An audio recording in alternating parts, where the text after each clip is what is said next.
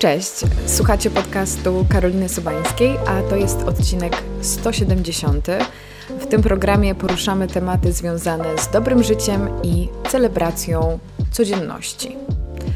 Szeroko pojęta ekologia i zrównoważony rozwój to są zagadnienia, które pojawiały się tutaj wielokrotnie, szczególnie w kontekście mody etycznej, ale jakiś czas temu naszła mnie taka myśl, że jest y, kwestia bardzo dla mnie ważna i taka dosyć emocjonalna, o której chciałabym porozmawiać, bo jak pewnie wiele z Was mogło zauważyć, bycie eko stało się modne, co jest super, ale niesie też ze sobą wiele zagrożeń i na pewno słyszeliście o tak zwanym greenwashingu, czyli o wciskaniu nam kitu, że coś jest bliskie planecie i dobre dla świata, kiedy tak naprawdę jest to chwyt marketingowy. I właśnie o tym poniekąd jest dzisiejszy odcinek, bo postanowiłam zaprosić do siebie Anię Gemmę, która głośno mówi o zrównoważonym życiu, właśnie o odpowiedzialnej modzie i o tym, jak żyć, żeby realnie tej planecie pomagać. I zadałam jej te wszystkie trudne, niewygodne pytania o to, co realnie zbawia świat, a co jest tylko ekologiczną bzdurą, jak mamy interpretować kampanie wielkich marek, które uważają się za proekologiczne, jak weryfikować działania wielkich korporacji, co my możemy robić jako konsumenci, czy nasze działania rzeczywiście mają jakikolwiek wpływ. No i jak w tym wszystkim się nie załamać, nie zwariować i nie dać wkręcić właśnie w jakąś historię o tym, że t-shirt z napisem Ratujmy planetę coś da. Także taka dosyć e, poważna rozmowa, jednocześnie mam nadzieję też pełna nadziei. Dodam jeszcze, że to jest kolejny odcinek z serii, której patronuje marka Brita. Jest to znany wszystkim zapewne producent filtrów do wody, która od wielu lat zajmuje się dbaniem o dobrą jakość wody nie tylko w naszych domach, a jej misją jest ochrona i przyszłość tego niezbędnego do życia bogactwa naturalnego. A teraz zapraszam Was do wysłuchania rozmowy z Anią Gemmą.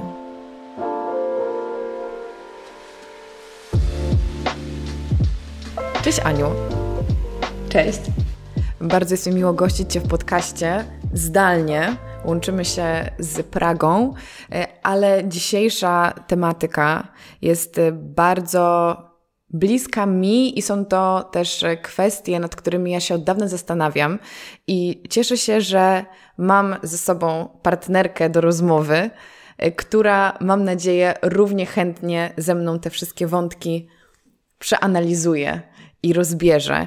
I pomyślałam, że mm, jako jako taką rozgrzewkę podzielę się taką swoją refleksją, a raczej zapytam Ciebie o to, jaka jest Twoja własna, bo często mówię, że lubię takie trendy, które są związane gdzieś tam z moimi wartościami, czyli na przykład trend na dietę roślinną, który trwa od wielu lat. Zawsze mówiłam, że okej, okay, nawet jeżeli ktoś to robi, bo to jest modne, no to tym lepiej dla świata.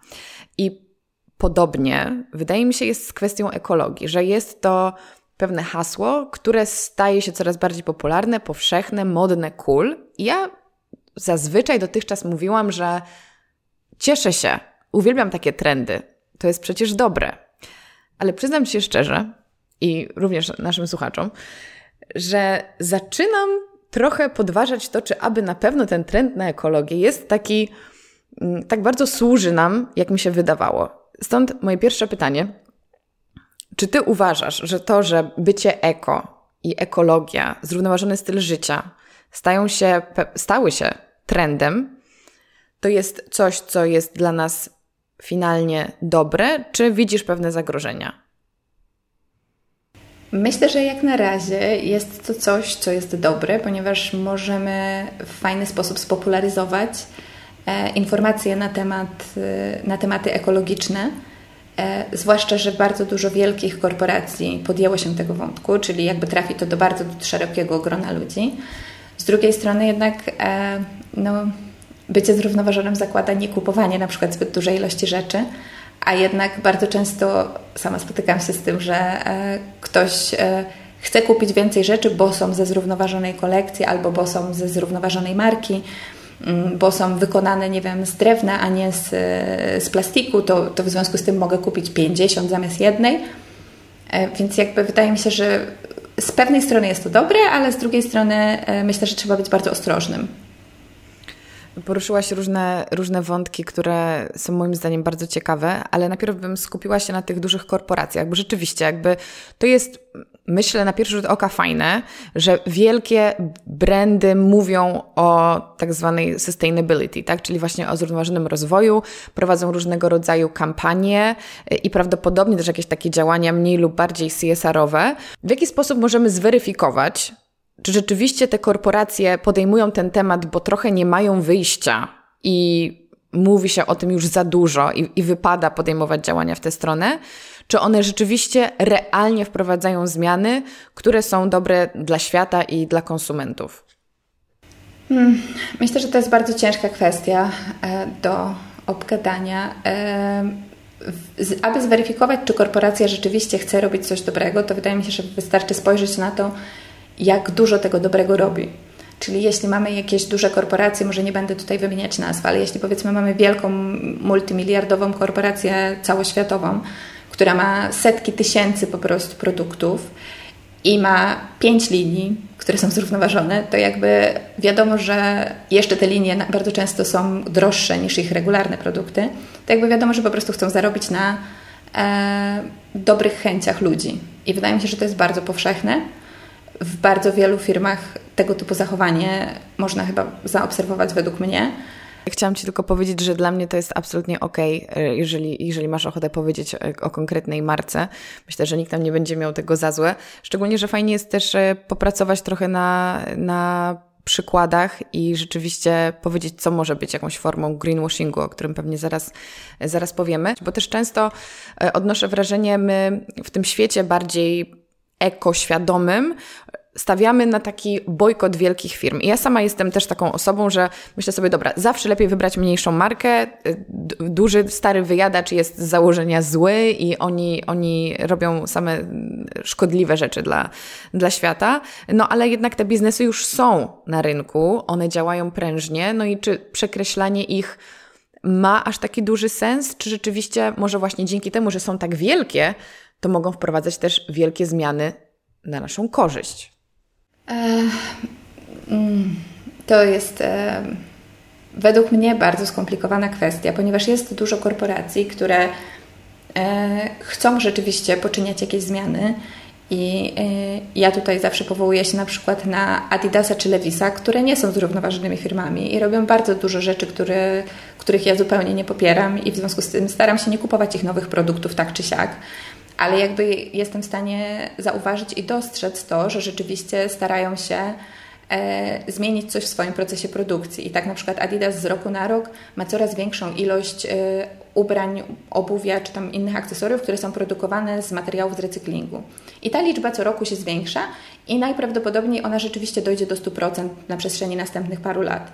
E, z kolei Levis e, rzeczywiście ogranicza ilość e, zużywanej wody przy produkcji i jakby ma na, to, na ten temat konkretne dane na swojej stronie. Na swojej stronie udostępnia wszelkiego rodzaju informacje, które mogą nas zainteresować. Kiedy byłam na Sri Lance, to jakby byłam w stanie dogadać się z ludźmi, że rzeczywiście te procesy produkcji, które są opisane na stronie, jakby dzieją się w realnym życiu. Więc jakby są takie firmy, które rzeczywiście starają i są wielkimi firmami, i wtedy wydaje mi się, że warto e, jednak dawać im swoje pieniądze, ponieważ to są te firmy, które inwestują w innowacje, które później są wykorzystywane również przez małe firmy, tak? ponieważ e, ci giganci mają najwięcej pieniędzy. Ale z kolei jest też dużo firm, które, e, które robią to tylko i wyłącznie ze względu na na fakt, że po pierwsze mogą te produkty sprzedać trochę drożej, a po drugie, że mogą e, zyskać nowe, nową rzeszę klientów, czyli takich ludzi, którzy nie do końca interesują się ekologią i nie do końca jakby, tak jak ja na przykład, tak nie siedzą e, godzinami, nie sprawdzają, która firma co robi, tylko po prostu jakby mają świadomość e, i jakby te firmy tylko i wyłącznie żerują na tym i chcą nas wykorzystać. I aby zweryfikować, która firma jest którą, wydaje mi się, że najlepiej jest się zawsze udać na stronę danej firmy. Według mnie strona konkretnego producenta, niezależnie od tego, co on produkuje, czy kosmetyki, czy ciuchy, czy meble, to jest najlepsze źródło informacji, ponieważ jeśli ten producent ma się czym pochwalić i mm, jakby robi rzeczywiście coś dobrego, to na tej stronie znajdziemy konkretne informacje. Tyle litrów wody zaoszczędziliśmy, tyle elektryczności zostało wygenerowanej z, ze źródeł odnawialnych, tyle, nie wiem, e, tyle par butów zostało wyprodukowanych z, z materiałów z recyklingu. A jeśli producent nie ma się czym pochwalić, to będzie mówił: staramy się, robimy, e, w przyszłości będziemy coś tam, coś tam robić i tak dalej, i tak dalej. Więc jakby według mnie przede wszystkim strony producentów trzeba odwiedzać. Powiedziałaś o tym żerowaniu na osobach, które nie do końca siedzą w tym świecie, ale podchwyciły, że coś jest właśnie jakimś takim trendem czy tendencją. Sądzę, że to jest taka najbardziej, taki najbardziej przykry aspekt tego, co się dzieje z, z mojego punktu widzenia.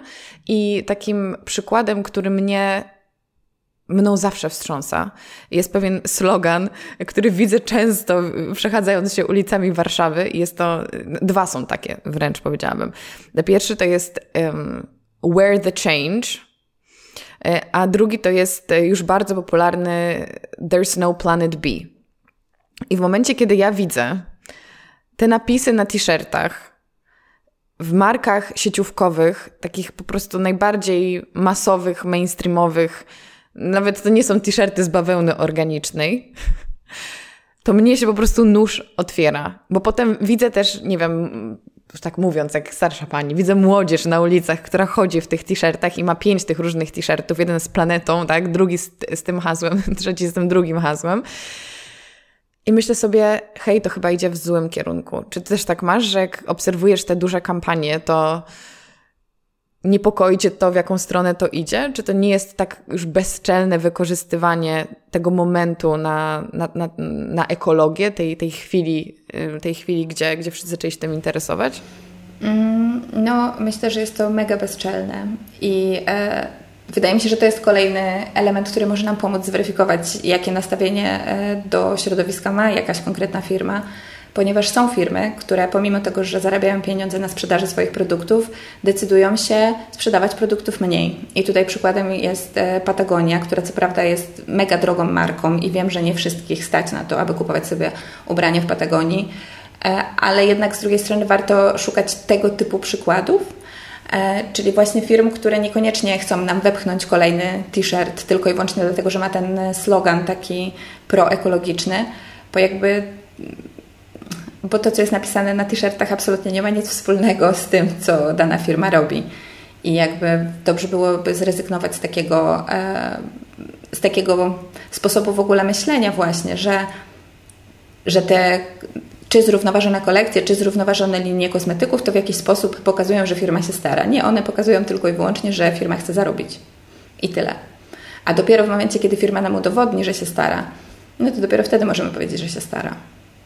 Ale tak samo też, e, jak wspomniałam wcześniej o tym, o trendzie na dietę roślinną i na jakieś takie wegańskie, powiedzmy, zmiany w naszym życiu, e, uogólniając to bardzo, to też e, obserwuję, że coraz więcej firm podchwyciło to, że skóra jest nieetyczna, że skóra może jest nieekologiczna, tak nie do końca wiemy o co chodzi, ale generalnie skóra już trochę się robi pase, tak jak futra się e, zrobiły pase już jakiś czas temu i teraz e, coraz więcej firm produkuje wegańskie buty i reklamuje je jako wegańskie buty i one są w domyśle lepsze dla świata, ekologiczne, tak są, takie są szyldy, a finalnie one są zrobione z plastiku.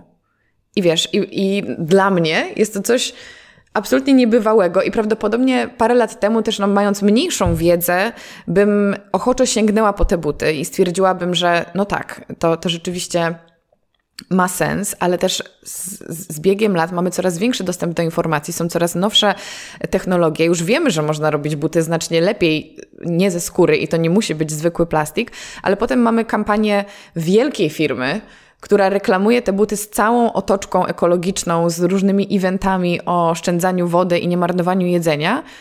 I ja po raz kolejny myślę sobie, co się tutaj wydarzyło, tak? Albo tak samo, e, tak samo bawełna organiczna, która oczywiście no jest, jest super, że jest używana, ale w momencie, kiedy też nie sprawdzałam tego sama, ale to powiedziała mi chyba znajoma, że jest napisane na przykład bluza z bawełny organicznej i potem się okazuje, że tam jest tylko domieszka tej bawełny. Jakby czemu takie rzeczy według Ciebie uchodzą tym firmom na sucho? Przecież jest tylu ludzi, którzy są wyedukowani, tylu ekspertów z, w zakresie mody zrównoważonej. Czy te firmy mają tak dużą siłę przebicia, że nawet te, że te głosy po prostu gdzieś znikają? Mm, wydaje mi się, że firmy mają olbrzymią siłę przebicia, a do tego nie ma regulacji na temat tego, co można napisać na ciuchach, właśnie na przykład. Ponieważ jeśli chodzi o to, co można napisać na kosmetykach czy środkach chemicznych, to jakieś drobne regulacje są. One nie są też e, odnośnie wszystkich słów e, i w związku z tym często e, będzie nadużywane słowo typu naturalne, które nie jest mhm. uregulowane ale po prostu nie ma regulacji i w związku z tym, jeśli nie ma regulacji, korporacjom zależy tylko i wyłącznie na tym, żeby zarobić pieniądze, więc napiszą wszystko, co chcemy przeczytać na swoich metkach, tylko i wyłącznie po to, abyśmy kupili ich produkty. Czyli takie działania oddolne, weryfikowanie tego, e, nie wiem, zgłaszanie tego, podważanie tego, są Twoim zdaniem bezskuteczne, czy nadal warto o tym mówić i jakby trochę nie wiem, prześwietlać te firmy i, i, i tłumaczyć ludziom, że hej, jakby te plastikowe buty wcale nie są ekologiczne, jakby nie dajcie sobie tutaj wcisnąć kitu, mówiąc kolokwialnie.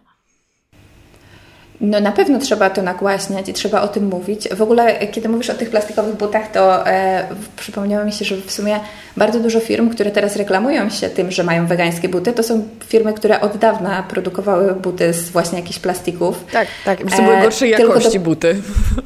Tak, po prostu były to gorszej jakości buty, a teraz, kiedy to się stało modne, żeby one były butami wegańskimi, to nagle ich ceny się podniosły i, e, i jakby te buty zyskały nową, lepszą półeczkę w sklepie. Mm, no, wydaje mi się, że koniecznie musimy to zgłaszać, koniecznie musimy sobie o tym mówić nawzajem. W ogóle, może nawet niekoniecznie wymagać od mediów, ponieważ media są głuche na wszelkiego rodzaju mm. tego typu e, sytuacje, więc wydaje mi się, że najlepiej tutaj będzie działać tak zwana poczta pantoflowa, czyli nasze rozmowy z innymi ludźmi, z którymi mamy możliwość się wymienić opiniami mm, i, i jakby po prostu właśnie informowanie siebie nawzajem o tym wszystkim, co się dzieje.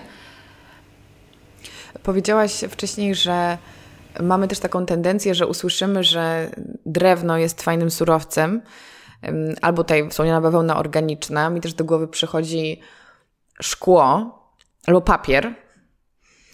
I wtedy po prostu przestawiamy swoje nawyki zakupowe na to, żeby szukać w sklepie rzeczy ze szkła, z papieru, z drewna itd., tak itd. Tak I mnie po raz kolejny niepokoi, jak widać, dużo się zamartwiam w tych, w tych kwestiach.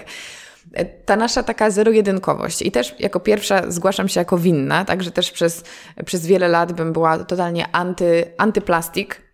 Zawsze szkło, y, zawsze papierowa torba i tak dalej, i tak dalej. Natomiast y, pojawia się pytanie, jeżeli wybierasz papierową torbę, no to super, ale jeżeli wybierasz ją codziennie lub co tydzień, idąc na zakupy, bierzesz trzy papierowe torby, to realnie masz w domu dziesiątki papierowych toreb. I tak samo w przypadku kosmetyków. Kupuj, nakupujesz tych kosmetyków bardzo dużo, potem skończą ci się te opakowania, wrzucisz je do zmieszanych, bo tam są obklejone jakimiś różnymi etykietami i jeszcze są brudne, czy cokolwiek tam się z nimi dzieje. I finalnie, czy twój ślad węglowy jest mniejszy przez to? No nie wiem, że czy, czy rzeczywiście zawsze wybranie tego lepszego surowca będzie lepsze, czy ta zmiana w nas musi zajść z zupełnie innej strony? Zmiana musi zajść z innej strony i wybranie szkła nie zawsze jest lepsze od wybrania plastiku, e, ale właśnie wszystko zależy od tego, od jakiego producenta kupimy i co ten producent nam mm. oferuje, ponieważ e, na przykład mówiąc o kosmetykach, e, szkło generalnie jest gorszym surowcem dla środowiska, jeśli chodzi o transport. Czyli na przykład jeśli kupujemy małe buteleczki w szklanych, e, szklane jakby jakiś tam, nie wiem, serów do twarzy czy, czy czegoś innego, to ta buteleczka tak naprawdę ma gorszy wpływ na środowisko, niż gdybyśmy kupili dokładnie ten sam kosmetyk w buteleczce plastikowej.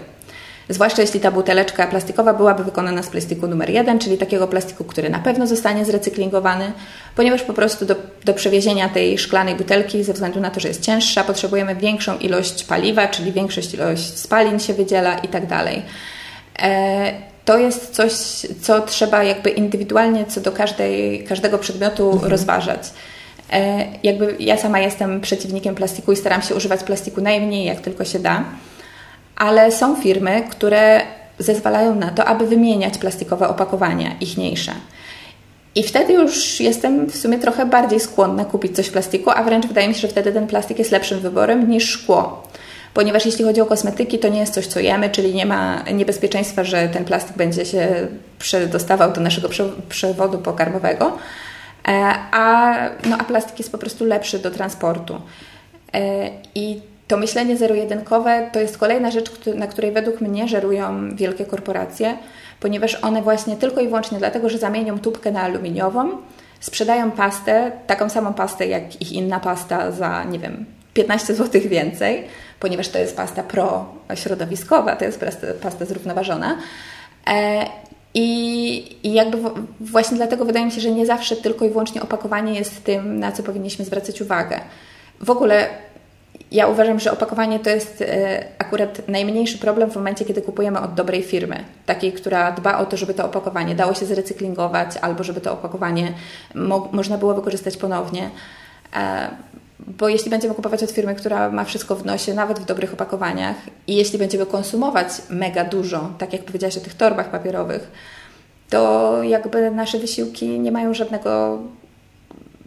Znaczy, jakby mają odwrotny skutek niż ten, który zamierzamy, ponieważ nadmierna konsumpcja jest olbrzymim problemem. Wydaje mi się, że jest y, większym problemem niż y, na przykład, nie wiem, y, o, brakuje mi polskiego słowa niż zbyt duża ilość ludzi na Ziemi, ponieważ bardzo często się mówi o tym, że ludzi na Ziemi jest zbyt dużo i stąd są problemy e, środowiskowe. To według mnie tak nie jest. Według mnie to nadmierna konsumpcja jest e, naczelnym naszym problemem. Tak, szczególnie też, że wydaje mi się, że te osoby, o których mówimy, myśląc o nadmiernej populacji, e, czyli kraje powiedzmy rozwijające się, one de facto na osobę generują znacznie mniejszy ślad węglowy i są znacznie mniej szkodliwe niż my, którzy nie jesteśmy tutaj y, zbyt zatłoczeni, a mimo wszystko konsumujemy niesamowite ilości dóbr z każdej możliwej kategorii. I to też jest chyba taka moim zdaniem bardzo ciekawa, trochę też niepokojąca kwestia, że ja pamiętam jak byłam na studiach, to robiłam, mm, pisałam jakąś taką pracę w temacie ekologii, akurat na przedmiot, który nazywał się socjologia. I ja tam doszłam do wniosku po przeczytaniu różnych badań, że niestety paradoksalnie osoby, które są bardziej świadome w zakresie ekologii, są zazwyczaj osobami bardziej wykształconymi, ale też są na wyższym poziomie finansowym i one pomimo tej świadomości i tych uważnych, odpowiedzialnych w cudzysłowie wyborów, nadal są bardziej szkodliwe dla środowiska niż te osoby z krajów, powiedzmy, biedniejszych, które nie mają pojęcia o tym, jaki jest wpływ, czy nie zastanawiają się może nad tym, jaki jest ich wpływ na planetę, przez to, że po prostu ich styl życia jest znacznie mniej obciążający dla planety. I my czasami sobie tak właśnie chcemy, mam wrażenie, rekompensować pewne rzeczy, i wydaje nam się, że jakby nasze, nasza codzienność jest, otaczamy się z takimi ekologicznymi akcesoriami. I ja też mówię, jestem jedną z tych osób, bo pewnie jakby zrobić bilans tego, E, tych wszystkich moich innych działań, czy chociażby tam były fajne przykłady, na przykład ilość sprzętów w domu, tak, czy, czy ilość nawet oświetlenia w domu, tak, czy transport, którym się poruszamy, jakby to też ma ogromny wpływ, ale realnie po prostu przez tą ilość tych konsumenckich gadżetów, no my tak naprawdę robimy więcej złego niż mogłoby nam się wydawać, pomimo, że mamy super bidony, słomki i torby i nawet e, powiem Ci, że zaczęło mnie denerwować, że dostając różnego rodzaju paczki, które oczywiście są bardzo, bardzo miłe i, i to jest cudowne uczucie dostać od kogoś prezent, to w każdej paczce teraz jest, y, jest właśnie bidon albo 10 słomek szklanych, y, czy, czy właśnie torba płócienna, która jest zawsze dodawana do zakupu czegokolwiek. I myślę sobie, kurczę, ja, ja realnie mogłabym otworzyć sklep ze słomkami, y, obdarować całe osiedle I tak samo w przypadku toreb płóciennych, nie wiem, na, mogłabym robić zakupy na rok i popakować to wszystko do tych, do tych toreb, a to chyba nie o to chodzi. I my też, nie wiem, nasza butelka się nam, nie wiem, zgubimy ją, czy zapomnimy jej wziąć od, y, od znajomych i kupimy sobie nową butelkę, no przecież to jest wielokrotnego użytku butelka. I to ekogadżeciarstwo, ja to tak lubię nazywać, jest, uwaga, słowo tego odcinka, niepokojące. Więc y, no jest. Jak, jak ty sobie z tym radzisz? Czy, czy myślisz, że te, też może, nie wiem, może w, jako, jako odpowiedź na tą fazę, na, tą, na ten trend na eko-gadżety przyjdzie taki bardziej mm, taki ascetyczny głos? Może on już przyszedł? Mam nadzieję, że on przyjdzie albo że już przychodzi, jest w trakcie przychodzenia, ponieważ, e, no tak jak powiedziałaś, otaczanie się zbyt dużą ilością eko-gadżetów e, wcale nie sprawia, że jesteśmy eko, tylko wręcz przeciwnie. I, e, i, i no nie wiem, wydaje mi się, że po prostu musimy walczyć z tą nadmierną konsumpcją z każdej strony i jakby też po raz kolejny głównie powinniśmy korzystać z poczty pantoflowej, żeby szerzyć te, tego typu informacje, ponieważ wydaje mi się, że prawie żadne media nie będą nam mówić kupujcie mniej, ponieważ dostają pieniądze z reklam, a reklamy mówią kupujcie więcej. E, tak więc e, no jest, to, jest to niesłychanie niepokojące, że ludzie zaczynają otaczać się ekologicznymi gadżetami i myślą, że robią coś dobrego, tymczasem robiąc po prostu coś zupełnie strasznego, ponieważ też bardzo często te gadżety, którymi się otaczają, jeśli otaczają się nimi w takiej ilości, to są dużo bardziej szkodliwe dla środowiska niż gdyby korzystali z jednorazówek. Tak. I to jest taka rzecz, o której mało się mówi. Na przykład, e, jakby no słomki nie są niczym dobrym i w ogóle staram się nie korzystać ze słomek tak naprawdę w ogóle, ponieważ kiedy pojawiła się kampania antysłomkowa, odkryłam, że można pić bez słomki i przeżyć. Da się. da się. E, no ale jeśli mamy na przykład właśnie 15 takich metalowych słomek, to wyprodukowanie takiej metalowej słomki czy szklanej e, jakby zobowiązuje nas do tego, żebyśmy użyli jej x razy, ażeby ona była mniej szkodliwa niż te wyprodukowanie tej plastikowej słomki. No i jakby wiadomo, zawsze jest lepiej, jeśli coś jest wielokrotnego użytku, ponieważ możemy tego używać wiele razy. No ale skoro już mamy przedmioty wielokrotnego użytku, na przykład te bawełniane torby, o których yy, wspomniałaś, to lepiej by było mieć jedną, bo przecież już ją mhm. mamy i nie potrzebujemy drugiej, trzeciej. E, a co do paczek, w których e, jest dodawana taka duża ilość e, właśnie eko-gadżetów, to wydaje mi się, że tutaj jakby problemem jest nasza mentalność, bo bardzo często, jeśli na przykład idziemy na jakieś targi, ja ostatnio, będąc na targach, właśnie dostałam taką materiałową torbę jako prezent od, e, od osoby, która, od organizacji, która te targi organizowała. No i im się wydawało, że robią coś fajnego, bo dają mi taki eko-gadżet, a jest przyjęte, że muszą mi coś dać. Tak?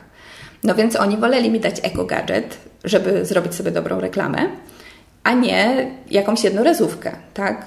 Więc jakby tutaj też taka nasza, takie nasze przeświadczenie, że nam się należy, żeby nam dawali te takie niepotrzebne tak. przedmioty, to jakby też jest w miarę problem, ponieważ wyobrażam sobie, że gdyby ten e, organizator targów nie dał torby, e, to jakby, no nie wiem, ja tam na przykład tej torby po prostu nie wzięłam i ona poszła dla kogoś innego, ale wydaje mi się, że gdyby on w ogóle nie miał takiego gadżetu, to wiele osób poczułoby się urażonych. Mhm. I ta nasza mentalność nastawiona na konsumpcję to jest coś, co musimy zmienić. A masz pomysły, jak te zmiany wprowadzać? Bo ja obserwuję w swoim otoczeniu, że no, jakby ta mania kupowania, to zawsze tak nazywam, jest wszechobecna i ta gratyfikacja w postaci nowej rzeczy jest standardową naszą reakcją na, na smutki, na radość, na wszystko. I sama staram się kupować mniej i, i, wydaje mi się, że jak tak wychodzę spoza swojej bańki, to rzeczywiście mi to całkiem nieźle wychodzi, chociaż oczywiście chciałabym lepiej. Ale zastanawiam się też, jaki komunikat najlepiej dociera do ludzi, że też e, nie chciałabym nigdy być tą osobą, która nie wiem, stoi nad kimś i w jakiś taki fanatyczny sposób mówi, Boże, po co ci kolejny sweter? Tylko jakby jak wprowadzać te zmiany, jak zachęcać ludzi do tego, żeby szukali, nie wiem, spełnienia w czymś innym niż przedmioty? E, ja najczęściej, jeśli chcę zachęcić kogoś do wykonywania, do dokonywania bardziej zrównoważonych wyborów, to odnoszę się do pieniędzy i w ogóle nie wspominam nawet o ekologii. Mhm. Ponieważ ekologia i zrównoważony rozwój to jest coś, co niestety ma dosyć złą reklamę i kojarzy się w jakiś taki sposób z oszołomami, z ludźmi, którzy przypinają się do drzew na przykład, czy coś i większość osób mówi, o nie, to ty też jesteś takim po prostu człowiekiem, co się przypina do drzew i tam, nie wiem, utrudnia... Ekoświrem. E, tak, takim ekoświrem. No jakby też nie chcę tutaj nikogo obrażać, ponieważ ci ludzie, którzy przypinają się do drzew, robią to ze szczytnych powodów, tak? Ale jakby taka jest ogólna percepcja e, tego całego ruchu. Tak więc ja, kiedy staram się namówić ludzi do... namówić, kiedy staram się zachęcić do bardziej zrównoważonych wyborów, to przede wszystkim skupiam się na kwestiach finansowych, bo wszyscy lubimy mieć e, więcej pieniędzy niż mniej.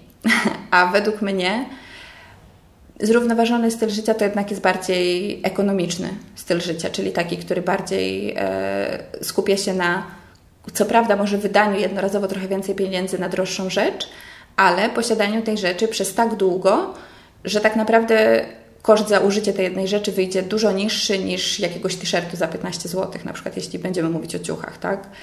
Ponieważ e, właśnie takie zrównoważone produkty to są te, które mają mieć dobrą jakość, bo nawet jeśli firma reklamuje się, że jest zrównoważona, a ma produkty z średniej jakości, to jakby tutaj po raz kolejny możemy zweryfikować ją, że ona po prostu się tylko tak reklamuje, a tak naprawdę produkuje jakiś szajs. E, a właśnie w momencie, kiedy będziemy inwestować w te rzeczy, które, będą które przetrwają z nami na dłużej, to oszczędzimy dużo więcej pieniędzy i w związku z tym będziemy, nie wiem, mieć na to, żeby sobie kupić dom albo nie wiem, co tam innego. Tak więc to jest moja droga zachęcania ludzi do bycia bardziej eko.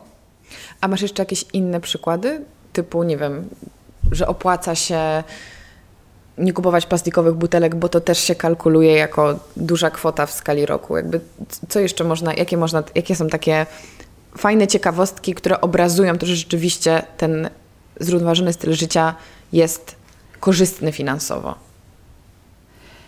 E, jeśli chodzi o same kosmetyki, to tutaj, jeśli mam być szczera, nie mam żadnej anegdoty, ponieważ e, jakby wydaje mi się, że tak samo dobre kosmetyki kosztują w plastiku, jak i w, e, czy, czy w szkle, czy w jakimkolwiek innym, czy w plastiku wybiennym więcej pieniędzy niż, niż takie po prostu gorszej jakości kosmetyki. Ale wydaje mi się, że no na pewno już z takiego punktu widzenia nadmiernej konsumpcji, lepiej jest kupować na przykład właśnie e, mydła, które są w papierze i w związku z tym nie generować 12 plastikowych butelek rocznie, ponieważ powiedzmy, że żel pod prysznic używa się, no nie wiem ile, bo już dawno nie używam, ale dajmy na to miesiąc, może półtora miesiąca, tak? No i to jest według mnie bardzo łatwe zobrazowanie, że w ten sposób generujesz 12 takich e, plastikowych śmieci rocznie, a żyjesz powiedzmy 75 lat, więc e, niestety nie jestem dobra z matematyki, ale można sobie to pomnożyć szybko. A biorąc e, mydło w papierze, papier, który można oddać do recyklingu i który później można kupić w postaci papieru toaletowego na przykład, e, to tych śmieci plastikowych nie generujemy ani jednego. I to jest według mnie jedna z takich bardzo prostych zmian, które można dokonać w swojej łazience na przykład właśnie, w żaden sposób nie inwestując w to nic tak? Ponieważ zwłaszcza, że nawet często to mydło w kostce jest tańsze niż, e, niż mydło e, w płynie, czy tam jakiś żel pod prysznic. I wtedy wydaje mi się, że nawet jeśli nie stać nas na to, żeby kupować te mydła od jakichś zrównoważonych firm i kupujemy je od tych korporacji, które po prostu są najtańsze, ponieważ no jakby różne mamy zasoby portfela, to tak czy siak według mnie to jest e, no, dużo bardziej ekologiczne i dużo, dużo fajniejsze i też, e, no nie wiem, wydaje mi się, że to jest taki fajny sposób e, na zrobienie czegoś ekologicznego i fajny przykład.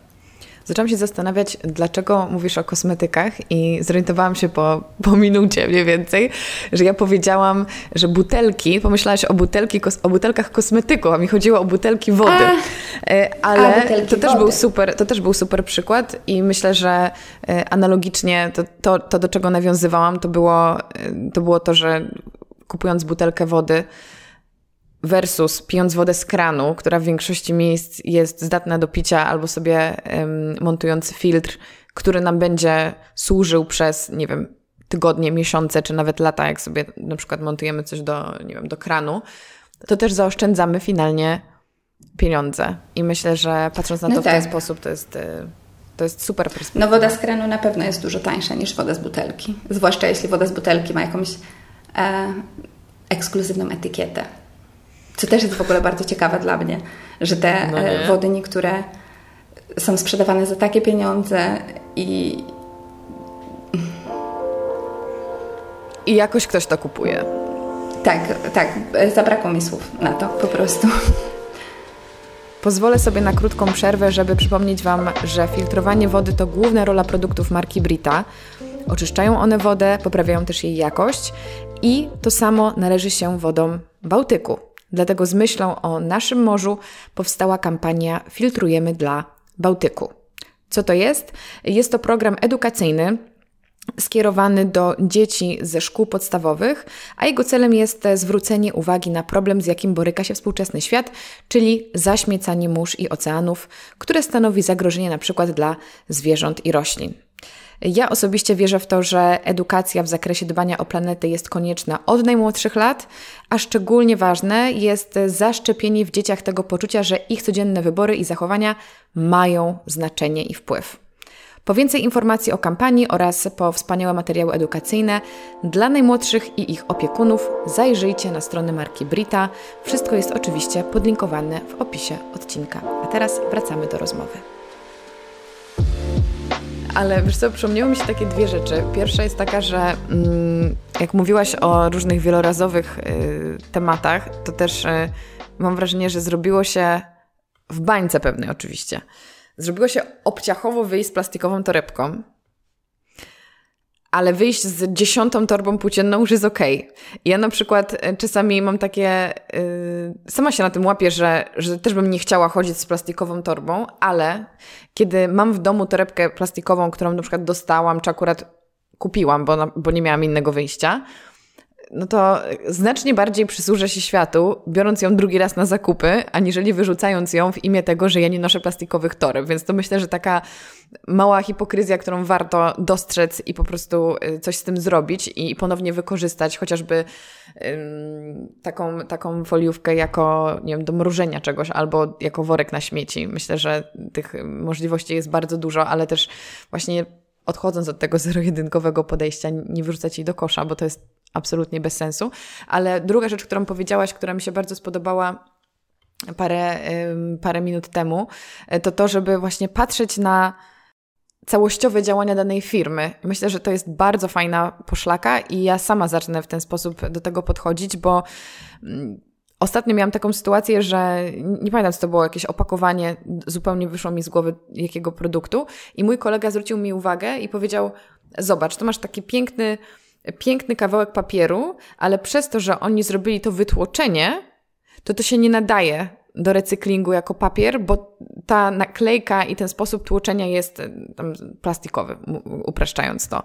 I to jest właśnie chyba idealny przykład, tak? Że jakby firma poszła za trendem, żeby zrobić coś papierowego, ale absolutnie ich realnie nie interesuje to, w jaki sposób to trafi do ponownego obiegu, e, no bo nawet nie zadbali o to, żeby choćby napisać, nie wiem, oderwij ten element, tak? Czy cokolwiek. I to jest takie, mm, nie wiem, myślę, z jednej strony przykre, a z drugiej strony super, że są sposoby, żeby, żeby na to, żeby to właśnie weryfikować i mimo wszystko wtedy głosować swoim portfelem na firmy, które, które rzeczywiście chcą wprowadzać realne zmiany i też Trochę zmieniając tory, e, chciałam się Ciebie zapytać, czy Ty uważasz, bo my też wieszamy psy na tych wielkich korporacjach często, e, ale powiedziałaś właśnie, że na koniec no to jednak to jest nasz wybór i to my musimy zdecydować. Więc na, czy umiesz powiedzieć, czy powinniśmy obwiniać wielkie korporacje o to, że nie wprowadzają dobrych praktyk, czy jednak ta moc jest w konsumencie i odpowiedzialność zawsze była, jest i będzie po naszej stronie za to, co się dzieje i za stan planety? No, zdecydowanie uważam, że po naszej stronie nie leży e, prawie żadna odpowiedzialność za to, co się dzieje i za to, jak wygląda sytuacja, bo e, niestety jednak firmy produkujące na przykład plastikowe przedmioty właśnie w ten sposób, to było bodajże w latach 70. w Stanach Zjednoczonych, może teraz coś mylę, może w latach 80., e, właśnie w ten sposób zdecydowały się prze e, przemienić narrację, tak aby zdjąć z siebie odpowiedzialność, jakby przerzucić tą odpowiedzialność na konsumenta, który tak naprawdę finalnie ma bardzo mało do powiedzenia co do tego, co będzie kupować, ponieważ po pierwsze jest ograniczony swoimi finansami i jakby fajnie, jeśli ktoś ma więcej pieniędzy, jest w stanie inwestować w pro-eko rzeczy, ale jednak bardzo duża część z nas, ze względu na to, że te rzeczy zrównoważone są dużo droższe, no po prostu nie ma na to środków finansowych. I według mnie cała pełna odpowiedzialność leży tylko i wyłącznie po stronie korporacji, i ja w ogóle uważam, że jako społeczeństwo powinniśmy naciskać na nasze rządy, aby wprowadzać regulacje, które będą zabraniać niektórych praktyk, takich jak na przykład, no, co było wprowadzone, żeby nie dawać tych darmowych plastikowych torebek, tak? E, jakby wiadomo, że firmy dawały te plastikowe torebki, dlatego że chciały, aby klienci przyszli właśnie do nich, bo w innych sklepach trzeba było za te torebki płacić. No ale jakby w momencie, kiedy dawali je za darmo, to ludzie brali tych torebek mnóstwo, potem te torebki latały po świecie dosłownie, tak, ponieważ one po prostu gdzieś na wietrze się unosiły. E, I, e, I tak właśnie, wydaje mi się, że głównie powinniśmy patrzeć na to, w jaki sposób można uregulować rynek i potem starać się zmusić nasze rządy, żeby, żeby ten rynek był regulowany. Co prawda jest to bardzo trudne, ponieważ dużo tych firm e, lobbuje w taki sposób, aby jednak tych regulacji nie wprowadzać i na przykład, nie wiem, jakieś e, styropianowe e, elementy według mnie powinny zostać usunięte z, z powierzchni ziemi, ponieważ jest to rodzaj plastiku, który w, w ogóle nie nadaje się do recyklingu, czyli w momencie, kiedy my go użyjemy przez tam, nie wiem, tydzień, od momentu, kiedy wyjedzie telewizor z fabryki w tym styropianowym opakowaniu, potem wjedzie do nas do domu, my ten, plastik, ten plastik, bo to jest plastik, od razu wyrzucamy i on potem zostaje z nami tysiąc lat. No to jakby wydaje mi się, że rządy powinny wziąć pod uwagę e, tego typu elementy, e, tego typu jakby praktyki firm i zacząć je regulować w taki sposób, żeby jakby żeby to było spoko dla wszystkich, tak? Ponieważ też nie uważam, że tutaj po prostu zamknijmy wszystkie korporacje, tak? Tylko nauczmy je, żeby one przestały tylko i wyłącznie myśleć o swoim zysku, a zaczęły myśleć także o tym, w jakim stanie zostawimy Ziemię naszym przyszłym pokoleniom. No dobra, to w takim razie, skoro wina leży po stronie korporacji, to po co my mamy się męczyć, wprowadzając zmiany do naszego życia? Musiałam, musiałam tak trochę A. prowokacyjnie powiedzieć. E, musimy się męczyć ze względu na to, że korporacjom zależy tylko i wyłącznie na tym, żeby zarobić pieniądze. I jeśli my będziemy kupować to, co oni produkują, nie informując ich o tym, że to nam nie, się nie podoba i to nam nie pasuje, to oni po prostu będą produkować to, co będą produkować, a najtańsze niestety jest to, co jest najbardziej obciążające dla środowiska.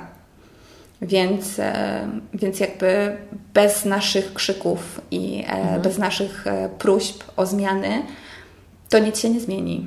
Mm, jakby wydaje mi się, że wydaje mi się, że nie ma takiego rządu na świecie, który by tylko i wyłącznie ze względu na to, że coś jest dobre dla środowiska, e, to uchwalił. Wydaje mi się, że w większości to idzie presja społeczna ludzi, tak jak było z tymi reklamówkami, czy tak jak teraz jest na przykład z butelkami, aby wprowadzić butel e, kaucję na butelki plastikowe, co mhm. uważam, że jest świetnym pomysłem.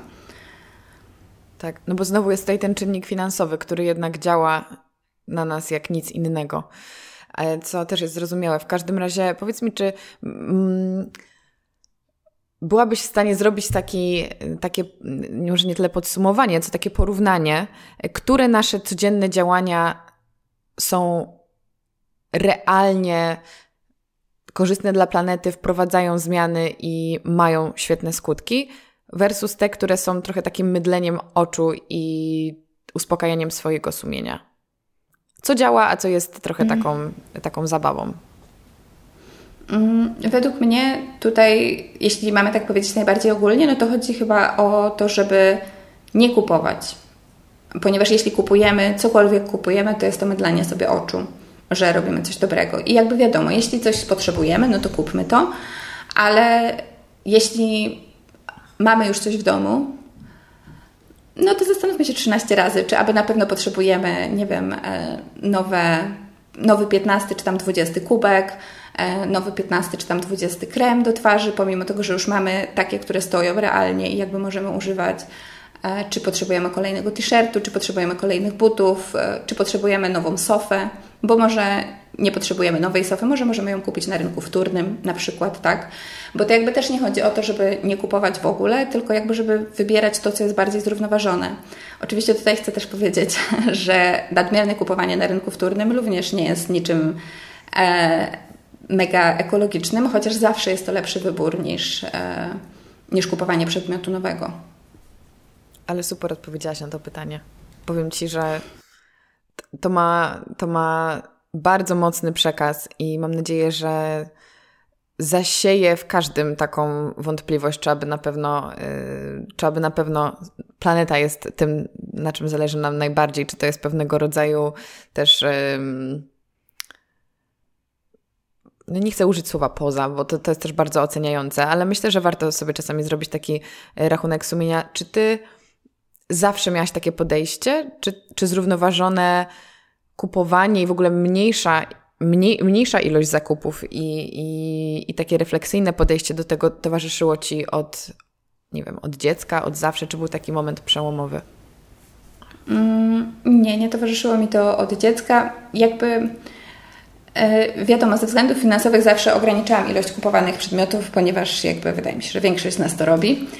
E, ale momentem przełomowym dla mnie było, gdy przeprowadziłam się do Indonezji i tam ze względu na brak edukacji ludzie niestety no, zupełnie nie rozumieją tego, że nie powinni śmiecić.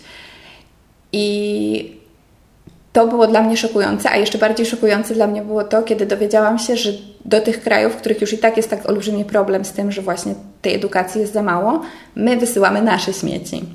I to było jakoś zaraz po tym, jak wróciłam. E, to w sumie nie wróciłam do Polski, tylko wróciłam do Wielkiej Brytanii i tam właśnie zbierane były śmieci i tam były informacje na ten temat, że te śmieci są e, wywożone. I to był taki moment, kiedy sobie myślałam, hmm, warto by było e, jednak coś na ten temat zrobić. Chociaż bardzo długo nie nazywałam tego myśleniem ekologicznym, bo wydaje mi się, że jest to raczej takie po prostu, no nie wiem, zdroworozsądkowe myślenie. E, I to myślenie, i do, dopiero zaczęłam to nazywać ekologią wiele lat później, tak naprawdę. Kiedy, kiedy zobaczyłam tam takie jedno wideo na TED Talk e, z Lauren Singer, i wtedy dopiero sobie pomyślałam, o w sumie to, co chcę robić, to jest właśnie e, jeszcze bardziej ograniczać, jeszcze bardziej zająć się zero waste. A tak już na koniec zadając zupełnie randomowe pytanie, jakie ty masz podejście do zmiany samochodu na samochód elektryczny? E, to jest ciekawe pytanie. No, e, sytuacja wygląda w ten sposób. Jeśli mamy przedmiot, czy tutaj również samochód, który jest stary, mega obciążający dla środowiska, rozpada się i jakby nie jesteśmy w stanie go używać już, to wtedy zamienienie tego samochodu na samochód elektryczny, który będzie z nami przez kolejne 10 czy 15 lat, a może 20, jest e, dobrym wyborem. E, czy jest dobrym wyborem? Teraz sobie pomyślałam, że w Polsce jest większość e, prądu z węgla, mm, bo tutaj no. nie ma prądu z węgla, tak. Znaczy tutaj też jest prąd z węgla, ale nie tylko. No to wtedy biorąc pod uwagę, że rząd polski będzie starał się odejść od węgla, to nadal może to być lepszy wybór. Albo przynajmniej wybór taki z pomysłem na to, że jest to zrównoważony wybór. Ale w momencie, kiedy chcemy kupić sobie samochód elektryczny, pomimo tego, że mamy dwuletni samochód już w garażu, e, jeśli chcemy sobie kupić ten samochód elektryczny tak po prostu jako taki gadżet, tak jak to powiedziałaś wcześniej, e, i mamy go zamiar mieć tylko przez rok albo dwa, a potem będziemy chcieli go już sprzedać, bo będziemy chcieli kupić sobie nowy, to tak samo jak z tymi wszystkimi innymi rzeczami. E, no to wtedy już absolutnie nie jest żaden zrównoważony wybór. Tak, dokładnie kwestia tego, tej energii węglowej jest dla mnie kluczowa, bo, bo ostatnio zastanawiałam się nad tym, czy, czy potrzebuję czasami korzystać z samochodu, nazwę to tak, i, i, i gdzieś tam debatowałam na ten temat. Y, I finalnie myślę sobie, no dobra, no ale jak, jak ja bym miała mieć samochód, no to to musi być samochód elektryczny, no bo jest to zdecydowanie bardziej zgodne z, z moimi wartościami i tak dalej, i tak dalej. No i dopiero właśnie moja znajoma mnie uświadomiła, że cudowny elektryczny samochód na węgiel. Y, nie do końca brzmi jak eko rozwiązanie, więc to jest znowu też myślę o tym, że warto spojrzeć na nasze wybory szerzej i zastanowić się nad tym, czy to realnie ma jakiś wpływ, czy jest to jakaś nasza piękna etykietka do naszego ekologicznego wizerunku. Mm, na sam koniec chciałam się Ciebie zapytać, czy mogłabyś podzielić się swoimi jakimiś e, codziennymi praktykami? Nie wiem, może być ich pięć, mogą być trzy, może być dziesięć, ile masz ochotę, e, które uważasz, że warto zaaplikować do swojego życia i, i życzyłabyś sobie, żeby więcej osób e, takie nawyki czy takie wybory podejmowało? To jest bardzo trudne pytanie. Przepraszam. Ponieważ wszystkie. e, mm, no, wydaje mi się, że przede wszystkim e, bardzo bym sobie, e, znaczy, że, że to by było super, gdyby jak najwięcej z nas zrezygnowało z kosmetyków w płynie na rzecz kosmetyków w kostce. To jest jedna z takich rzeczy, która według mnie jest niesłychanie prosta i aplikuje się zarówno na branie prysznica, mycie włosów, używanie antyperspirantu, e, używanie jakichś kosmetyków kolorowych itd. Tak jakby wszystkie te rzeczy mogą być w kostce i to jest jakby chyba taka pierwsza rzecz, która jest, e, który, która byłaby fajnie, jakby była już po prostu we wszystkich domach i mega popularna. Druga rzecz to jest e, wykorzystywanie swojej bawełnianej torby więcej niż 15 razy. To jest, wydaje mi się, że druga taka rzecz. E, ja mam w sumie trzy torby bawełniane, z czego jedna jest teraz na stałe w wózku, w razie czego, jakbym jej tam potrzebowała, i jedna jest mała, jedna jest duża. I, e, I jakby te torby są ze mną, kupiłam je sobie trochę lepszej jakości, tak żeby móc je mieć i żeby mi służyły. I wydaje mi się, że to też jest taka e, dobra, proekologiczna rzecz, aby właśnie wykorzystywać tą rzecz, którą już mamy wiele, wiele razy. E, kolejną rzeczą może być na przykład e, picie wody z kranu, jeśli mamy taką możliwość. Wiem, że nie wszędzie można pić wodę z kranu, ale jeśli mamy, to to też jest. E, to, to wszystko są takie rzeczy, które nic nas nie kosztują. No, woda nas trochę kosztuje, ale dużo mniej taka z kranu niż z butelki. E, tak więc tak, to by były moje trzy takie zmiany, które każdy może zrobić już teraz, jeśli, e, jeśli chce. I dzięki temu życie nas wszystkich będzie lepsze. O, pięknie, pięknie to ujęłaś. Um, a powiedz mi, na koniec, koniec, koniec, zawsze tak jak kończę, to zadaję ostatnie pytanie, potem zadaję jeszcze ostatnie pytanie. Um, czy ty miewasz momenty takiego zwątpienia w kontekście zmian klimatycznych i jeśli tak, to jak sobie z nimi radzisz? Cały czas mam momenty zwątpienia. Znaczy, jakby nie wątpię w to, że to się dzieje, bardziej wątpię w to, że rzeczywiście realnie mm. jesteśmy w stanie coś zrobić. Mm, ale potem sobie zaraz przypominam, że jeśli my, mali ludzikowie, ludzikowie tak się chyba nie mówi, ma, małe człowieczki po prostu, e, nie będziemy, e, nie będziemy próbować chociaż pchać tych rządów i tych korporacji do zmian, to one na pewno z własnej woli nic nie zrobią. I wtedy sobie myślę, no dobra, nawet pomimo tego, że to się czuje niczym walkę z wiatrakami, to jednak też patrząc tak e, w dłuższej perspektywie czasu jednak widzimy takie realne zmiany, które się pojawiają, typu na przykład wprowadzenie ustawy e, sprawiającej, że producenci nie mogą celowo e, pogarszać jakości sprzętów, albo że muszą e, umożliwiać ich naprawę, czyli produkować części zamienne, tak abyśmy nie musieli kupować nowych. No wydaje mi się, że to prawo nigdy w wow. życiu by nie weszło w życie, gdyby nie to, że właśnie ludzie mówili cały czas, no nie, no nie może tak być, że pralka trwa tylko dwa lata i po dwóch latach mamy kupować nową, tak? To była właśnie olbrzymia presja i na producentach, i na rządzie Unii Europejskiej, żeby, żeby jakby to zmienić. Tak więc no bez nas nic, nic się nie wydarzy, tak więc wtedy od razu mam trochę więcej siły, żeby dalej próbować coś zrobić. I chyba fajnie jest też na koniec powiedzieć, e, to jest coś, z czego ja sobie zdałam sprawę ostatnio, że my w takim szale czy ferworze tego, że chcemy tych zmian, zapominamy, że w przypadku wielkich organizacji, produkcji, firm czy rządów, te zmiany no niestety nie, nie da się ich wprowadzić z dnia na dzień. Tak, jakby są pewne procedury, które muszą zakończyć jakiś cykl i dopiero można zacząć działać na korzyść, dajmy na to, planety w tym przypadku. I dlatego sama uczę się też takiej cierpliwości i też nie odrzucania konkretnych pomysłów czy konkretnych właśnie marek, dlatego że one teraz nie wprowadziły tej zmiany, którą mogły wprowadzić. No bo umówmy się, na przykład małej marce modowej lokalnej jest prościej zmienić coś w swojej kapsułowej kolekcji, aniżeli wielkiej firmie, która ma setki tysięcy sklepów na całym świecie. Więc też myślę, że taka cierpliwość i pozwolenie tym, e, tym organom na wykazanie się, biorąc pod uwagę, że jest to dłuższy proces, jest, e, jest też ważne i, i może wtedy zobaczymy efekty po jakimś czasie i, i docenimy to, że jednak czekaliśmy, ale przez ten cały czas mhm. staraliśmy się być tym dobrym przykładem i wprowadzać te zmiany, więc bardzo, bardzo Ci dziękuję, Ania, że ze mną porozmawiałaś, bo, bo dużo pięknych wniosków y, usłyszałam, dużo ciekawych wskazówek i, i Twoja perspektywa jest naprawdę pokrzepiająca. Także fajnie, że robisz to, co robisz, rób to dalej i y, miej motywację, bo właśnie takie osoby sprawiają, że coraz większe grupy ludzi przekonują się do zmiany swoich wyborów. Także bardzo, bardzo Ci dziękuję i kibicuję z całego serca. Dziękuję. Dziękuję za rozmowę. Mnie również było miło. Do usłyszenia. Dziękuję Wam bardzo za wysłuchanie tego odcinka i dziękuję również Marce Brita za objęcie patronatu nad tą rozmową po raz kolejny. Przypomnę jak zawsze, że mój podcast ukazuje się w każdy poniedziałek o 7 rano y, i możecie go posłuchać na Spotify, iTunesie i YouTubie, gdzie jest y, dostępny w wersji wideo. Także zapraszam. Jeśli macie ochotę na jeszcze więcej treści około podcastowych, to lećcie na mojego Instagrama Karolina Sobańska, bo tam jestem y, bardzo aktywna i regularnie wrzucam, mam nadzieję, ciekawe dla Was treści.